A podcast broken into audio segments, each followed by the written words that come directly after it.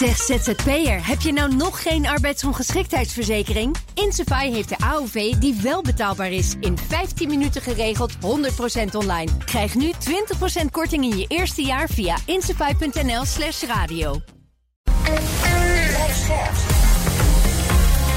BNR Nieuwsradio. BNR breekt. Ivan Verrips. Goedemorgen en welkom bij de 400ste aflevering van BNR Breekt. Vanaf half twaalf gaan we praten over het nieuws van de dag. Over uh, de boeren natuurlijk. Uh, premier Rutte heeft in een verklaring verteld dat hij vindt dat de boerenacties op de snelweg onacceptabel en levensgevaarlijk zijn. En zojuist wordt bekend dat BBB-leider Caroline van der Plas voorlopig niet in de media komt vanwege bedreigingen. Hebben we het allemaal zo meteen over in het tweede half uur.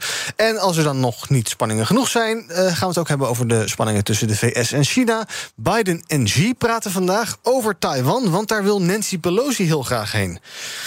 nou, hoe dat allemaal zit, hoor je zo meteen. In mijn panel vandaag, Vreemdelie Stadelmeijer, directeur van Xi Consult. Goedemorgen, Vreemdelie. Goedemorgen, gefeliciteerd Ja, jij ook, met ons. 400 jaar. Ja, 400, 400 jaar. Uh, zo voelt het, uit, zo ja. voelt het wel soms, 400 jaar. Ja. ja. en uh, Carline van Breugel, communicatieadviseur. Uh, je hoorde haar net al even gillen. Fijn dat je er was. Ja, fantastisch, toch? Ik was ook bij de eerste, dus nu is de ja, cirkel rond. Ja. En je was er gisteren ook al, maar gisteren viel je in, want toen was er iemand ziek. En aangezien iedereen op vakantie is, dachten we, we bellen jou. En jij was er en jij was. Dus fijn dat je er voor de tweede dag op rij bent. En, nou, en, en zeker tientallen van die 400 gevuld. Uh, wij gaan beginnen met. BNR breekt.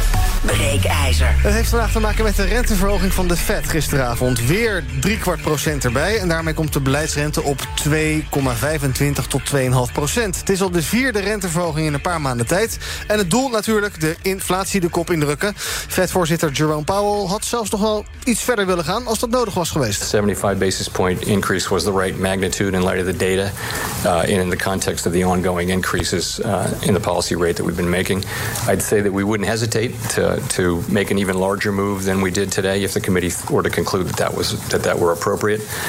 That was not the case at this meeting. There was very broad support uh, for the move that we made. Ja, dat zei Jerome Powell en dat is ook Amerika. Bij ons staat de ECB natuurlijk aan het renteroer... dat vorige week de eerste renteverhoging in 11 jaar aankondigde. Is dat genoeg? Moet Frankfurt actiever handelen? Hoe kunnen we die inflatie tackelen zonder onze economie helemaal lam te leggen? Ons breekijzer vandaag in BNR breekt. Laat de rente ook hier maar flink oplopen om de economie te redden. Ik ben heel benieuwd hoe jij erover denkt. Ben je het daarmee eens of oneens? Ons breekijzer, laat de rente ook hier maar flink oplopen... om de economie te redden. Je kan bellen naar 020 468 4 keer 0 Ik hoor heel graag van je. 020 468 4 keer 0 En je kan ook van je laten horen via Instagram. Zoek even naar BNR en dan kan je daar stemmen in de stories. Ook bij me is Jasper Lucese, macro-econoom, hoofdredacteur van ESB, het vakblad. Goedemorgen. Ja, goedemorgen. En, ook, en gefeliciteerd. Ja, dankjewel. Ik zag dat je op Twitter dat je, onze, uh, dat je taart en slingers verwachtte. Taart is er, maar ja. jij bent hier niet. Dus dat is een beetje gek. Nee, Nee, ik heb wel thuistaart. Oh, heel goed, heel goed. Nou, die slingers moet je er maar bij denken. Um, ja. Immers, ze zeggen, het leven is een feestje... maar je moet zelf de slingers ophangen. Oké, okay, Jasper, even serieus. Ons breekijzer, laat de rente ook hier maar flink oplopen... om de economie te redden. Wat vind jij? Um, ja, nee. Uh, niet dus. Mm -hmm. um, de, uh, nou ja, als je het hebt over zo flink als in de VS, dan niet. Uh, er is een prima argument voor een uh, renteverhoging in Europa, maar niet een argument, vind ik, voor een renteverhoging in Europa die vergelijkbaar is aan die in de VS. Um, we hebben. In Europa staat er economisch gewoon wat slechter voor. Want we hebben veel meer last van de Oekraïne-oorlog mm -hmm. uh, dan de VS. Het is allemaal veel verder weg. En uh, de VS heeft ook uh, profiteren meer van de olie- en gasprijzen die hoog zijn dan dat het ze wat kost daar. Uh, de VS heeft veel meer een loonprijsspiraal. Dus lonen die daar fors omhoog gaan, omdat de prijzen omhoog gaan dan Europa. Wat ook een reden is om uh, de rente fors te verhogen. Ja, en dan een wat slechtere reden uh, om de rente in Europa niet te verhogen, is dat dat leidt tot schuldenproblemen in Zuid-Europa. Mm -hmm. Er is ook dat monetaire instrument voor in het leven geroepen. De, de Transmission Protection Instrument heet dat ding. Ja. Sommigen noemen hem To Protect Italy. um, ja, ik heb het niet verzonnen. Mm. Dat, zo, zo, wordt het door sommige de financiële markt genoemd. Is niet helemaal terecht overigens. Uh, maar het, geeft, het geeft wel aan dat, uh, dat de ECB gebonden is om, en de rente niet zo makkelijk kan verhogen dan dat dat in de VS gebeurt. En, dat, en die eerste twee argumenten dat misschien onverstandig is om het in hetzelfde tempo te verhogen. Ja, nou, iets erbij mag dus wel. En dat gaat dan ook denk ik nog wel gebeuren, toch? Maar zo fors als aan de overkant van de plas zeker niet. Want dat zijn gewoon totaal onvergelijkbare situaties dus. Ja, dat, uh, zo zie ik dat. Ja. Wat vind jij, ons breekijzer? Nou, Laat ook de rente ook hier maar... Oh, wacht even. Ik wil eerst even de breekijzer noemen. Laat de rente ook hier maar flink oplopen om de economie te redden. Vertel. Nou ja, ik, ik, eh, ik zou graag willen weten wat dan precies de relatie is tussen rente en inflatie. Mm Los dat. Ja, nou, Oké, dat ga ik zo dan vragen aan. Uh, nou, laten we maar gelijk doen. Jasper, ja, met rente, los je daarmee de inflatie op? Wat, wat is het idee daarachter? Ja, dus uh, rente maakt het duurder om, uh, om te lenen.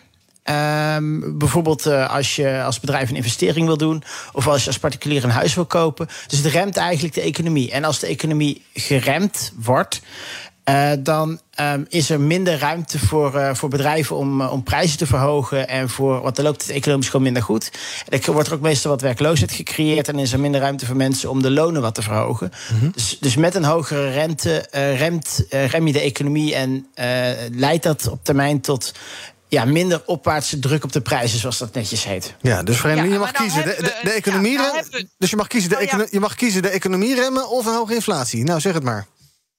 Nou ja, die inflatie is natuurlijk wel. Ja, dat merkt iedereen in zijn portemonnee. Mhm. Als je naar de supermarkt gaat, het is gewoon echt niet grappig meer.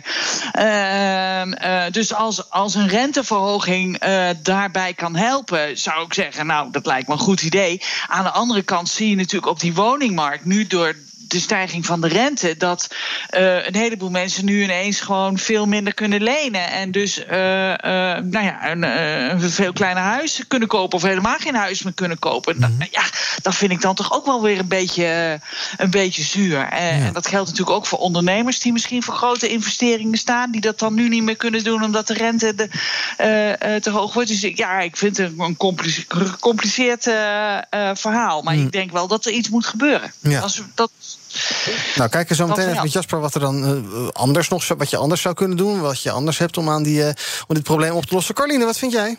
Uh, ja, ik ben het niet eens met de stelling. Hm? Ik denk namelijk dat momenteel mensen al minder uitgeven. Doordat je natuurlijk de hoge energierekeningen hebt. De inflatie, Vrenelie uh, noemde het al eventjes. En um, wanneer mensen nog wat meer gaan sparen, dan remt die economie nog verder af. En uh, nou ja, er wordt al uh, rustig, voorzichtig gekeken dat er een economische recessie verwacht wordt. Dus dan lijkt me dit uh, absoluut geen goede zet. Nee. Jasper, aan welke knoppen kan de ECB eigenlijk draaien? Want het gaat nu eigenlijk al heel veel over rente. Um, ja, ja. Wat, is, dat, is dat het enige middel? Wat, wat is er nog meer te bedenken? Ja, ze kunnen de um, geld uh, hoeveelheid terugbrengen door die opkoopprogramma's mm -hmm. uh, terug te stoppen, wat ze gedaan hebben.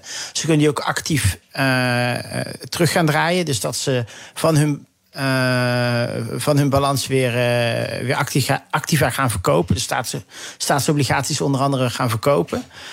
Um, en, uh, en dat zijn nog wat exotische dingen. Maar uh, ja, het belangrijkste is eigenlijk de prijsstijging. Die komt in Europa toch vooral omdat de prijzen voor goederen die we importeren, ja. of dat nou chips is, voedsel of gas, uh, die nemen toe. Mm -hmm. De prijsstijging in Europa komt in veel mindere mate omdat we allemaal hogere lonen eisen. Dat doen we wel, maar dat, dat, dat is niet zo heel succesvol op het moment, toch mm. nog.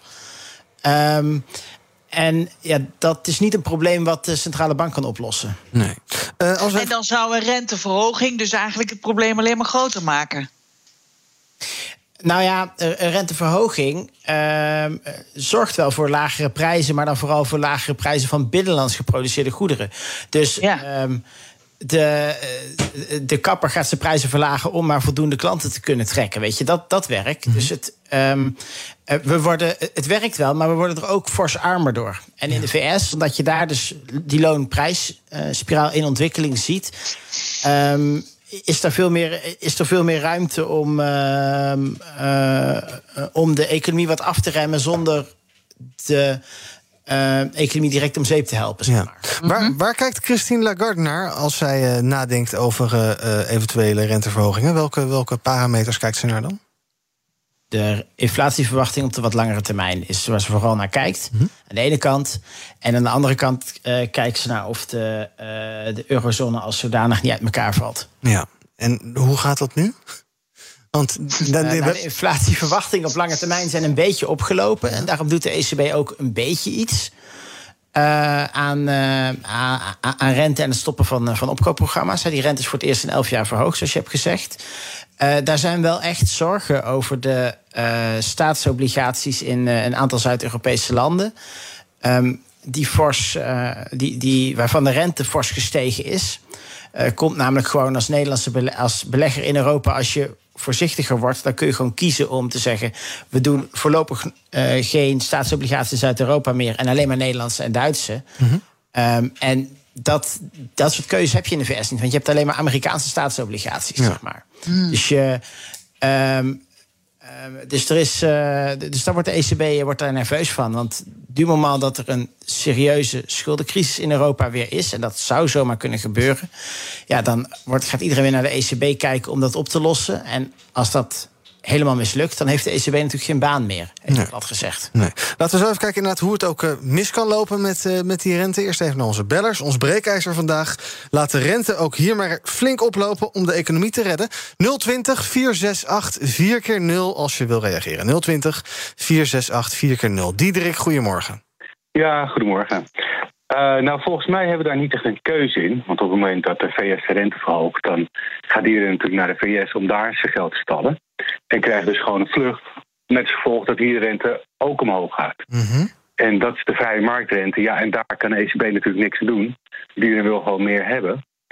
Uh, maar de kern van het probleem zit er hier natuurlijk in dat wij een op schulden gebaseerde economie hebben. Met een centrale bank en commerciële banken die vrolijk en vrij de economie vol kunnen pompen met geld te willen. En ja, dus als je daaraan iets wilt doen, dan moet je dus kijken, ja, hoe kunnen wij dat oplossen? En in het verleden had je bijvoorbeeld de greenbacks in de VS, gaan we lang terug hoor. En verder voor het talistick systeem. En het zijn systemen waarbij de overheid controle had over de geldhoeveelheid. En daar zit dan het probleem. Dus als je ervoor kiest van nou, we gaan de geldhoeveelheid controleren. Uh, zonder dus inderdaad zo'n enorm potinstrument als de rente. Met nou, het gevolg dat je economie laat crashen. En dan weer exploderen en weer crashen en exploderen. Mm Dan zou het veel meer werken. Dus in dit geval zou je ook voor kunnen kiezen om de rente relatief laag te laten. Mm uh, maar bijvoorbeeld tegen de commerciële banken te zeggen: jullie eigen vermogen moet omhoog waardoor zij niet meer in staat zijn om heel veel geld uit te lenen. En dus op die manier de geldhoeveelheid proberen terug te dringen. Mm -hmm. zonder dat je meteen de economie totaal vernietigt. Want als je nu kijkt naar de hypotheekrente, die is van 1 naar 4 procent gegaan. En dat wil zeggen dat de huizenprijzen weer terug zijn gevallen met ongeveer, hè, theoretisch, 40, 50 procent van je leencapaciteit.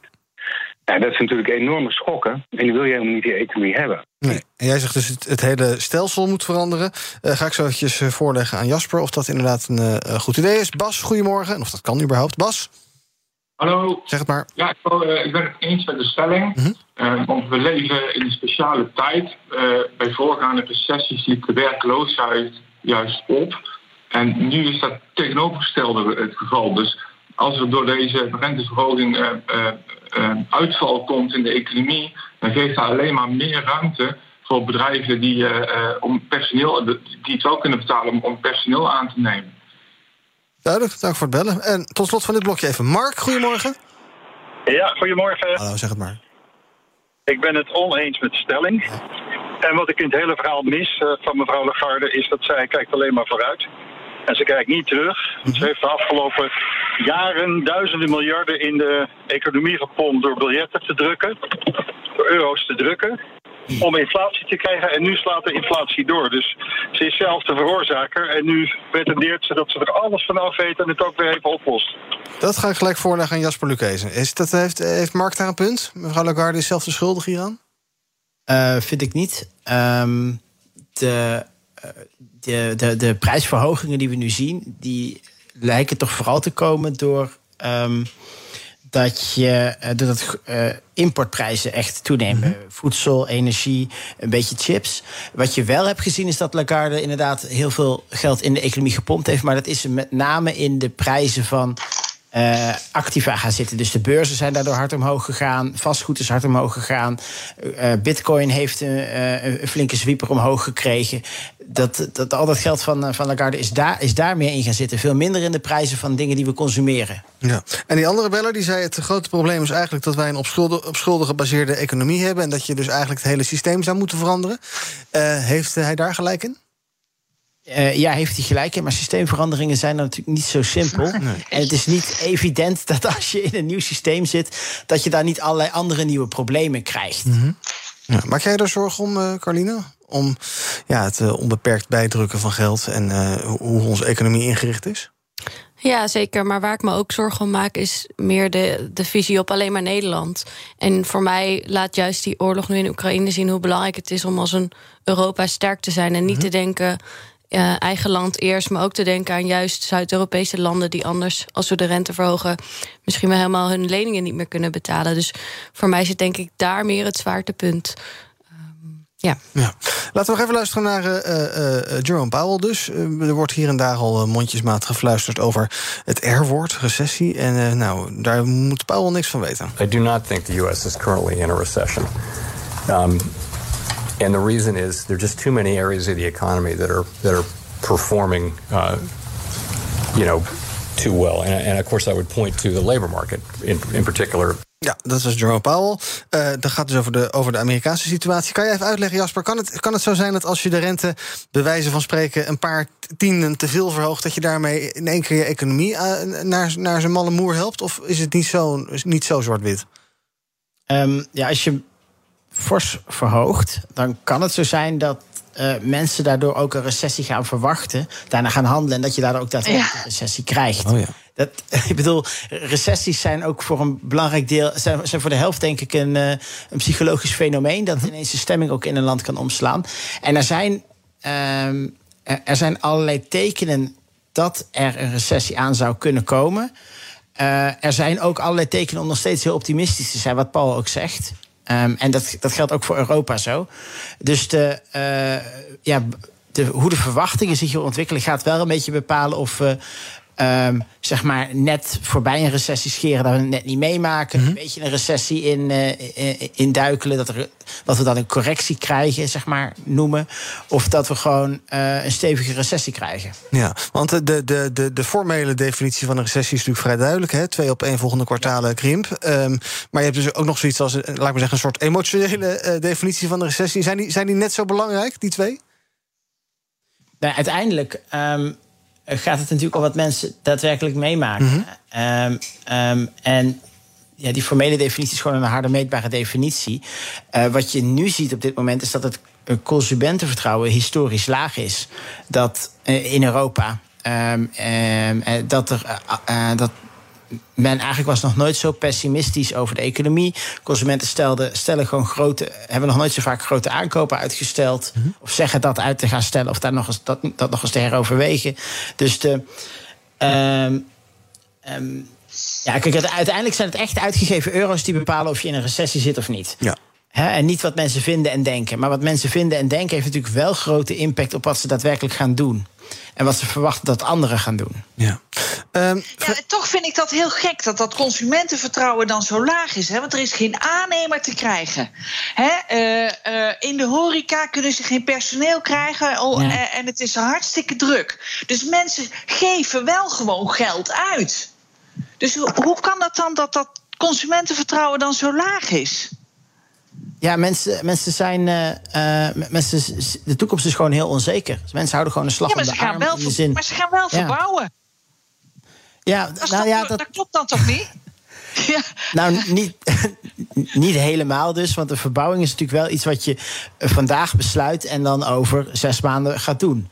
Um, dus de. Um, de verbouwingen die nu plaatsvinden en de aannemers die nu niet te krijgen zijn, zegt heel weinig, of be, maar beperkt wat over hoe dat er over zes maanden uitziet. Mm -hmm. Ja, mm. en dat hebben consumenten dus blijkbaar ook door. Vredelie woont in Spanje. Um, gaat zij nou uh, in, in dat land, ga je daar andere gevolgen merken van een iets hogere rente dan uh, bij ons in uh, Nederland of in Duitsland? Oeh, wat een moeilijke vraag. Nee, dat wil ik vragen aan Jasper eigenlijk. Oh.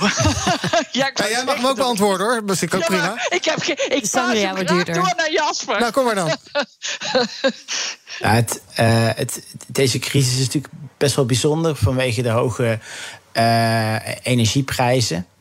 Ehm, en ik, ik kan me zo voorstellen dat Spanje wat minder last heeft van de, van de hoge energieprijzen door eh, de manier waarop zij. Ehm, eh, om- omdat ze gewoon wat minder gas importeren en wat minder afhankelijk zijn van gas dan de rest van Europa. Eh, maar voor de rest heb ik daar niet een heel goed antwoord op. Nee, oké. Eh, een eh, volgende eh, vergadering van de ECB. Wanneer, wanneer is dat? Weet je uit je hoofd? Meestal zijn die iedere zes weken. Ja. En dat gaan we, wat kunnen we dan verwachten, denk je? Gaan we, gaat er dan weer iets bij? Maar zeker niet in, in die hoeveelheden als in Amerika?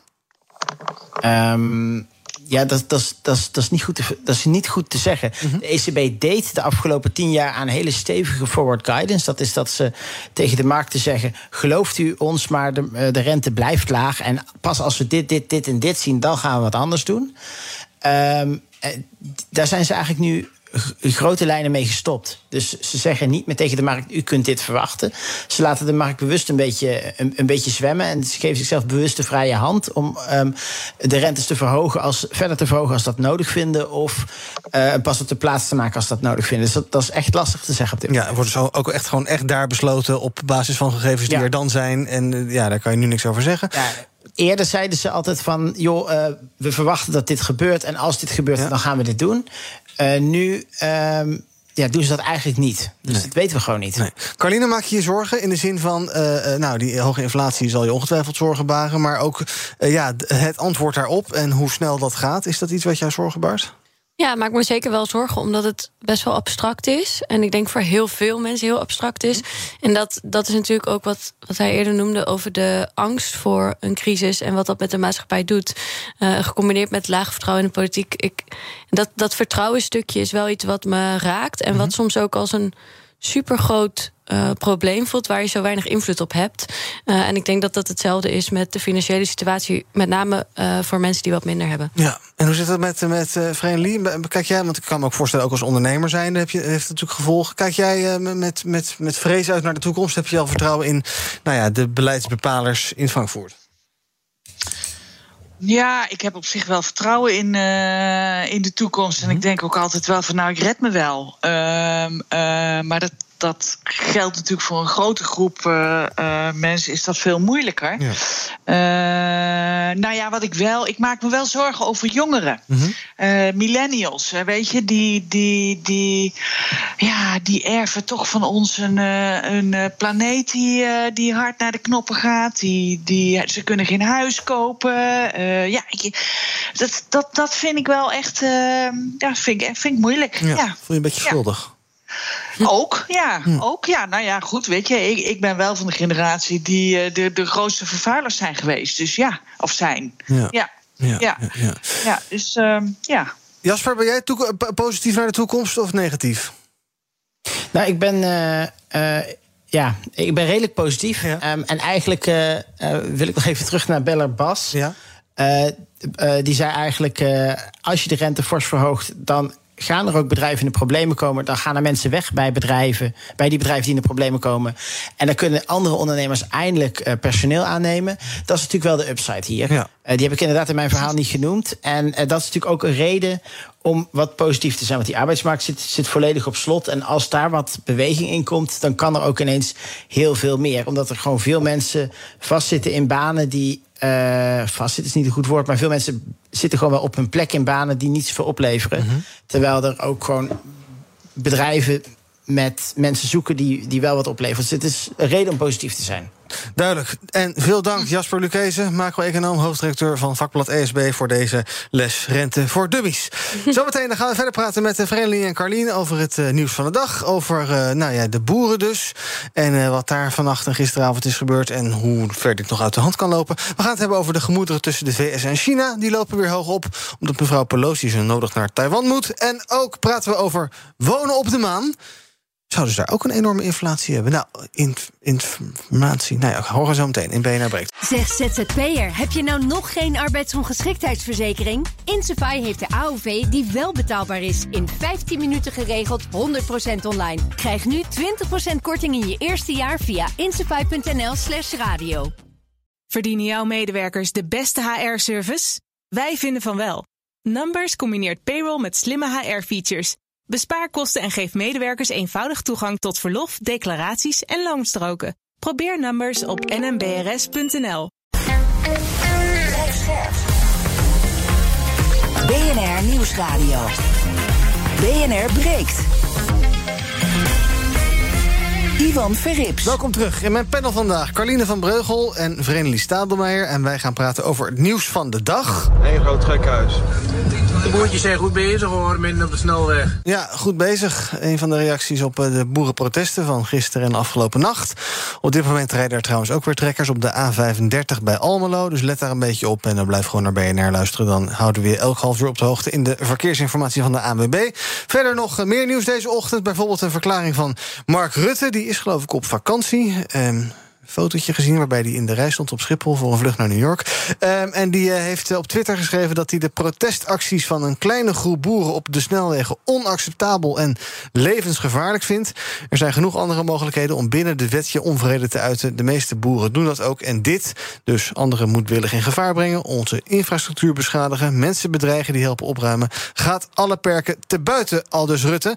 En Caroline van der Plas, wat toch een eh, boerenvoorvrouw is, die is voorlopig niet in de media te vinden vanwege allerlei bedreigingen aan haar adres.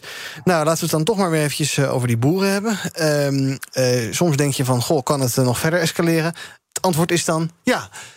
Ja, dat is indrukwekkend bijna.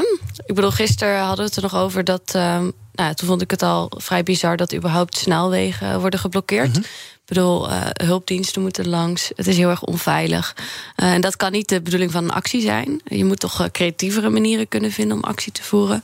Maar nu mensen die gewoon hun werk doen bedreigen, terwijl je zelf eigenlijk opstaat om je werk te kunnen doen. Dat vind ik wel echt ja, het hek van de dam. Ja, er is ook weer eh, afval inderdaad gedumpt afgelopen nacht. Asbest ook en dergelijke op wegen.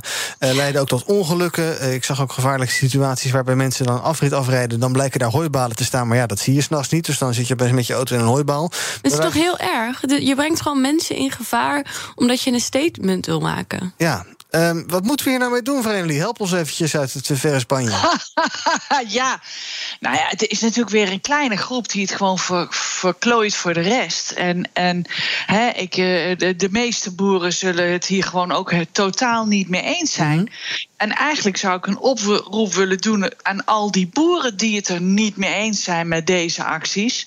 Eh, eh, eh, laten zij, zij ja, spreek je uit, bedoel je? Of, ja. Spreek je uit. Ja. En, eh, en ehm, ehm, ja, ik denk dat iedereen zich inmiddels van bewust is dat, dat, dat de boeren boos zijn.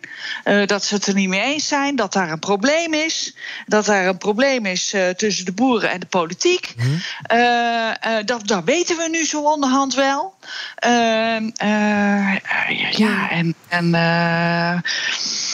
zo- zoek, de, zoek de raddraaiers op. Ja.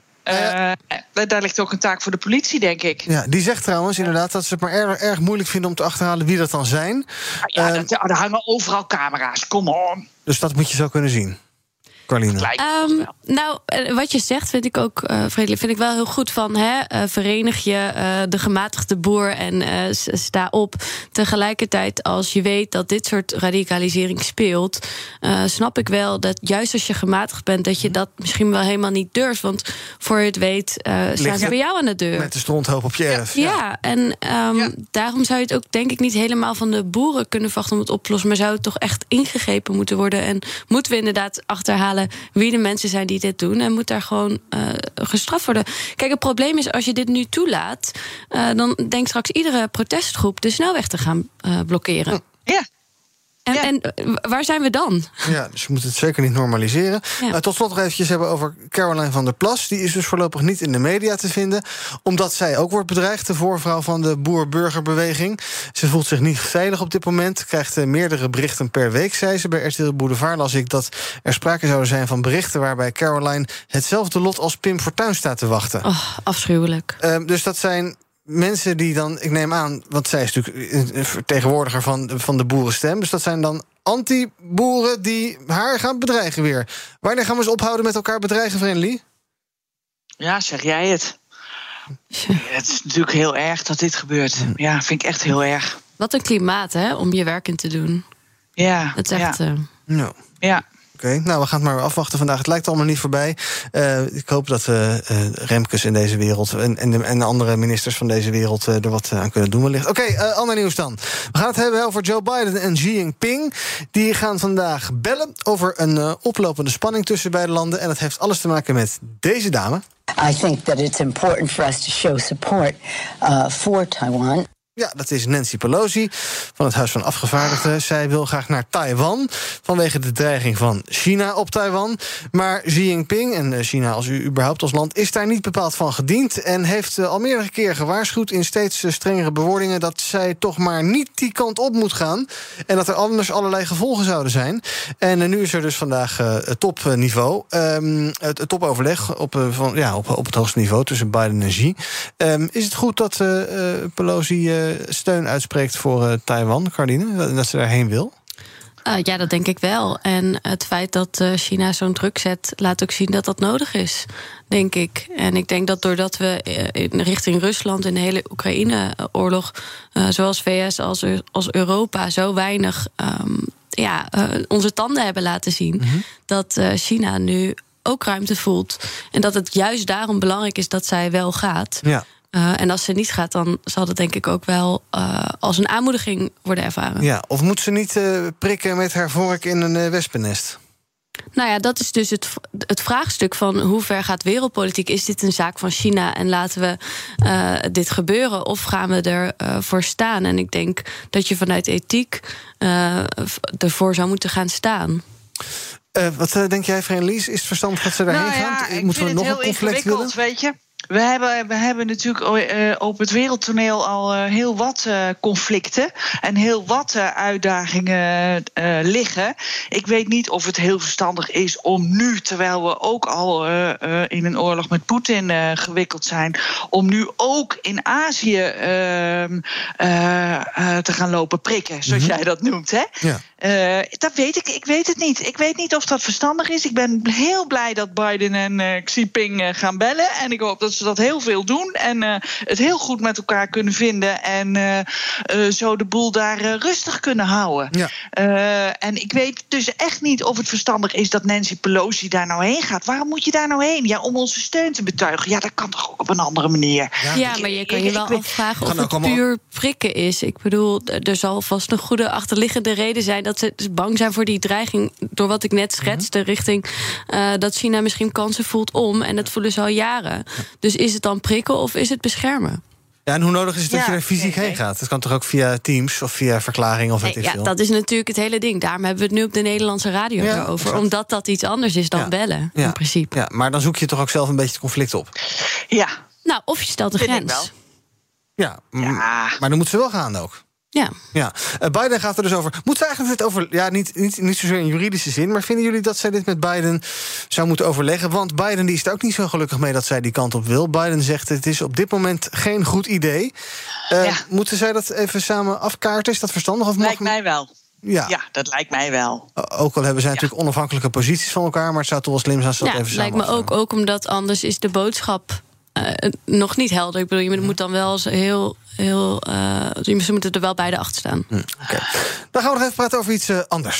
Fly me to the moon. Let me play among the stars. Ja, ruimtewetenschappers die kunnen wellicht in de toekomst in een trui onderzoek gaan doen op de maan. Want NASA-wetenschappers hebben bedekte kraters en grotten gevonden... waarin de temperatuur schommelt rond de 17 graden. Eh, ongeveer eh, wat het hier in de studio is. Op andere plekken op de maan kan het ongeveer overdag zo'n 127 graden worden. S'nachts wel tot min 173. Niet ideale omstandigheden om te wonen en te werken, zou je denken. Maar deze nieuwe ontdekking maakt het wellicht mogelijk voor wetenschappers... om eh, langere tijd onderzoek te doen op de maan. Een tripje naar de maan. Vrenelie, lijkt je dat wat? toch op, jongen. Hou toch op. Weet je, ik, ik, we hebben hier op aarde Ja. zoveel problemen op te lossen. Als je het alleen al hebt over klimaat, als je het alleen maar hebt over de droogte in Afrika, 60 miljoen mensen of zoiets dergelijks zijn op de vlucht. En dan gaan we miljarden stoppen in onderzoek naar holen op de maan. En dat we daar, alsof wij daar ooit gaan wonen. Ik bedoel, eh, ja. Ja, maar jij zegt, we, we hebben er hier een beetje een klerenzooi van gemaakt. Maar laten we dan dit, gewoon, dit hele planeetje gewoon achter. En dan gaan we toch daarheen. En dan zeggen Nee, we dat dit. is natuurlijk onzin. Dat is natuurlijk onzin. Dat gaat natuurlijk nooit gebeuren. Ik bedoel, hoe zie je dat voor je dan? Dat is toch. Ja, dat zijn films. Maar dat in het echt gaat dat natuurlijk helemaal niet gebeuren. Dus ik, ik denk. Besteed dat geld nou gewoon goed en los de problemen op die we hier hebben. Die we eh, eh, op deze planeet hebben met armoede, met klimaatverandering. Daar is zoveel geld voor nodig om dat gewoon goed op te lossen. Eh, en, we- en dan stoppen we het in, in enorme ruimtetelescopen. We stoppen het in. in en dan wordt er gezegd van ja, maar daar is allemaal onderzoek. En dat onderzoek, daar, daar profiteren we ook op aarde van. En zo. Nou, Ja. hm. Eh, ehm, ik hoor dat, ik eh, zou daar de kostenbatenanalyse wel eens van willen zien. Ik hoor dat jij Laten we geen- dat zo zeggen. geen tientjes lid van de NAVO, van de, van de, van de NASA bent. Eh Caroline, ben jij iets enthousiaster? Een leuk Ja, appart- eh, nee. appartementje in een, in een, een, een maankrater? En vooralsnog heb ik het naar mijn zin in eh, Amsterdam. Maar eh, nee, kijk, ik denk dat het gevaar van crisissen is... is dat je alleen nog maar naar morgen kijkt of naar dit jaar... en misschien naar twee jaar. Maar je moet verder kijken en daarvoor is wetenschap belangrijk... en daardoor eh, denk ik dat dit ook belangrijk is. Oké, dus toch wel naar de maan. Zou je daarheen willen? Nee. 17, 17 Nee, graden? absoluut niet. 17 graden constant het hele jaar? Nou ja, Beter dan eh, dat rare gewissel met eh, 36 en dan in de winter weer min 8. maar ik vind het hier zo... hoe moet ik dan nog naar Breekt? Ja, daar moeten we wel iets over doen. Nou, misschien moeten wij ook daar allemaal heen verhuizen. Ook wel- Zeg ZZP'er, heb je nou nog geen arbeidsongeschiktheidsverzekering? Insafai heeft de AOV die wel betaalbaar is. In 15 minuten geregeld, 100% online. Krijg nu 20% korting in je eerste jaar via insafai.nl slash radio. Verdienen jouw medewerkers de beste HR-service? Wij vinden van wel. Numbers combineert payroll met slimme HR-features. Bespaar kosten en geef medewerkers eenvoudig toegang tot verlof, declaraties en loonstroken. Probeer Numbers op nmbrs.nl. BNR breekt. Gaan we kijken naar wat jullie is opgevallen in het nieuws. Eh Vredelie, laten we bij jou beginnen. Jij kwam met een artikel van Harvard Business Review... over eh, eh, de waardering van vrouwen. Vertel. Vrouwen, ja. Nou, onderzoekers hebben onderzocht hoe recruiters kijken naar overgekwalificeerde de- kandidaten. Hè? Dus Ja. het is een kandidaat die solliciteert op een functie en die heeft meer in huis dan gevraagd wordt. Ze wordt bijvoorbeeld een HBO'er gevraagd en dan solliciteert er iemand die bijvoorbeeld twee universitaire masters heeft gedaan. Hè? Nou, en dan hebben ze ontdekt dat als die persoon die dus overgekwalificeerd is solliciteert, als dat een vrouw is, dat die vrouw veel meer kans heeft om te worden aangenomen dan een overgekwalificeerde man. Ja, dus dan zou je zeggen, nou, dat is goed nieuws voor vrouwen. Maar de onderliggende gedachte die daarachter zit, is dat ze denken dat die overgekwalificeerde man, die man met die twee masters dus, ehm, eh, veel eerder ook weer vertrekt dat ze die niet aan boord kunnen houden. En de aanname die daaronder ligt, is dat mannen veel meer gericht zijn op hun carrière. En dat die banen gebruiken als een opstapje naar een volgende, nog veel betere baan.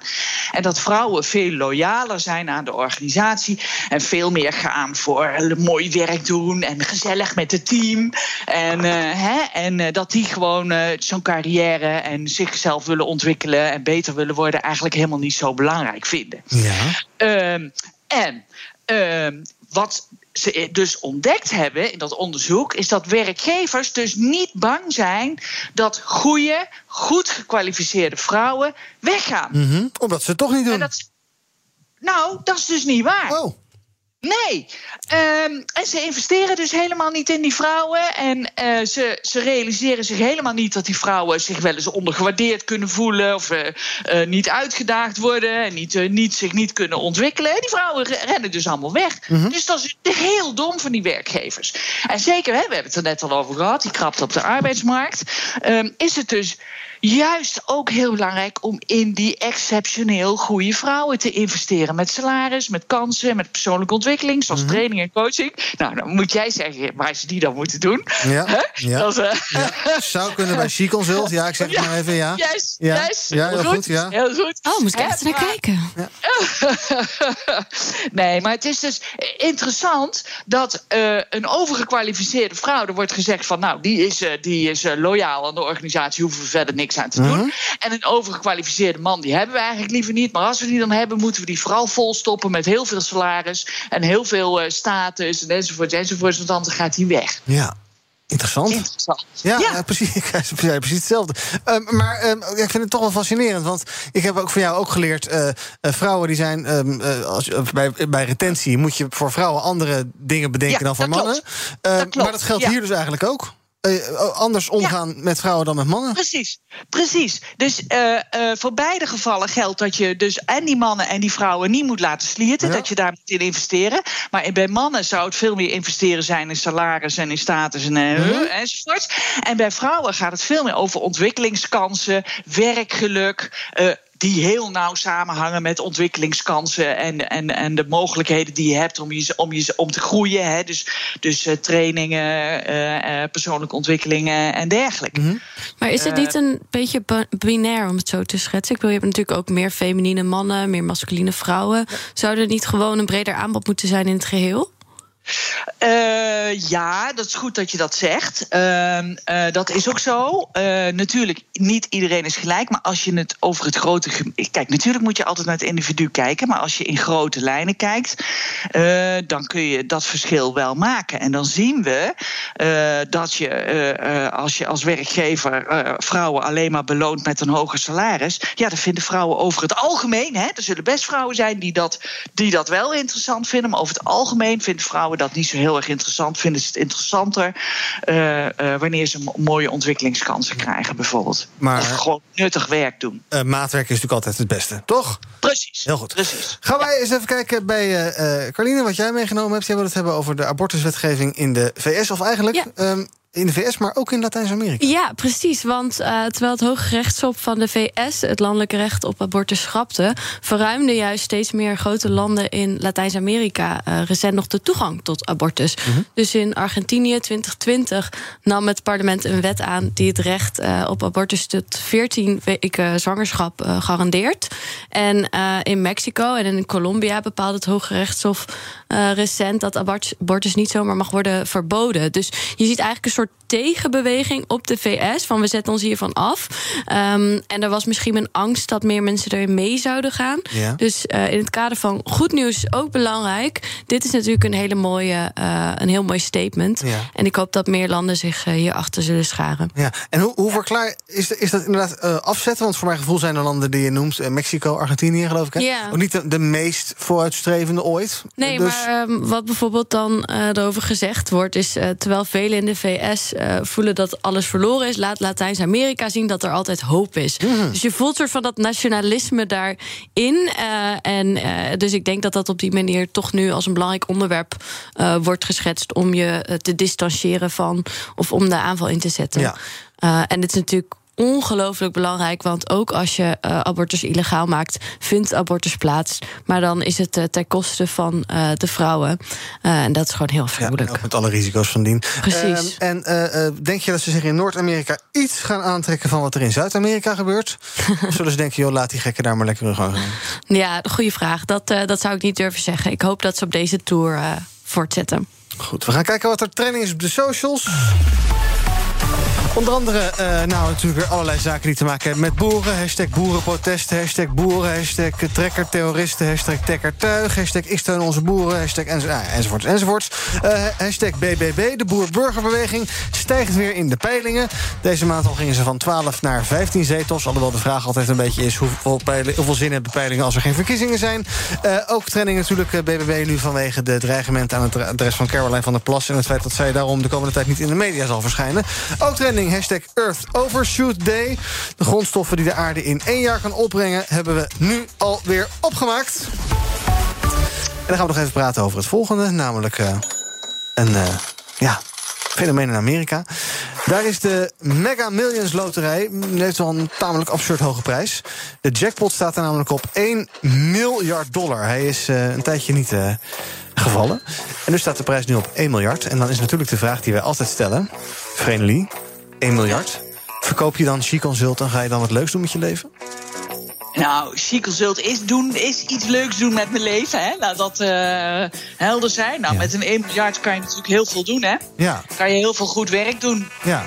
Zoals? Ja. Wat, wat, ga je ermee doen? Oh, je, jongen. Uh, uh, nou ja, ik zou toch kijken hoe ik uh, de positie van vrouwen zou kunnen verbeteren. Ja. En op, op welke manier, waar zou je dan beginnen?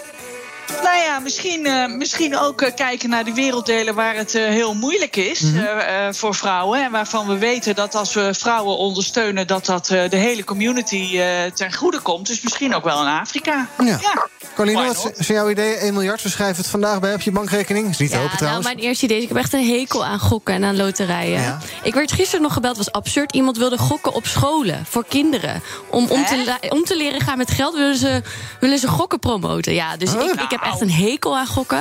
Ik hoop dat niemand me meer met zo'n vraag belt. Oké. Okay. En dus je wil ook geen 1 miljard bijgeschreven krijgen? Nee. Nee. Een paar duizend euro, wel leuk? Nee, ja, ik wil gewoon niet meedoen aan. Nee, dus als ooit in jouw straat een keer de postcode loterij wint, dan doet dat je helemaal niks. Nee, maar dat is het hele probleem aan de postcode loterij. Ja. Dat je daaraan meedoet. Ja, ik word hier echt heel vurig van. Ja, het, dat je daaraan meedoet terwijl je dat misschien helemaal niet kunt. Maar als de buren hem winnen, ja, dan ben je de sjaak. Dus vanuit een angst, vanuit een afhankelijkheid doe je automatisch mee. Als ik ooit in die politiek zit, zou ik dit graag aan willen pakken. Ja, verbieden. ja. Postcode? Nee. Oké. Okay. Mee eens. Interessant. Oké, oké, oké. Ja. Nou ja, de kans dat je wint is ook eh, astronomisch klein. 1 op 302,5 miljoen, dus dat ga je nooit winnen. Uh, maar jij gaat ook vooral niet meedoen, dus dat is ook maar goed om te weten. Oké, nou tot slot, uh, dit was BNR Breekt voor vandaag. Morgen is deze uitzending er weer, maar dan met uh, Kees Dorrestein. Het laatste wat ik je even mededeel is nieuws dat net binnenkomt over de boerenprotesten. Want er rijden, nee, er blokkeren meerdere trekkers de knooppunten Buren en Azelo... bij de A35 bij Almelo.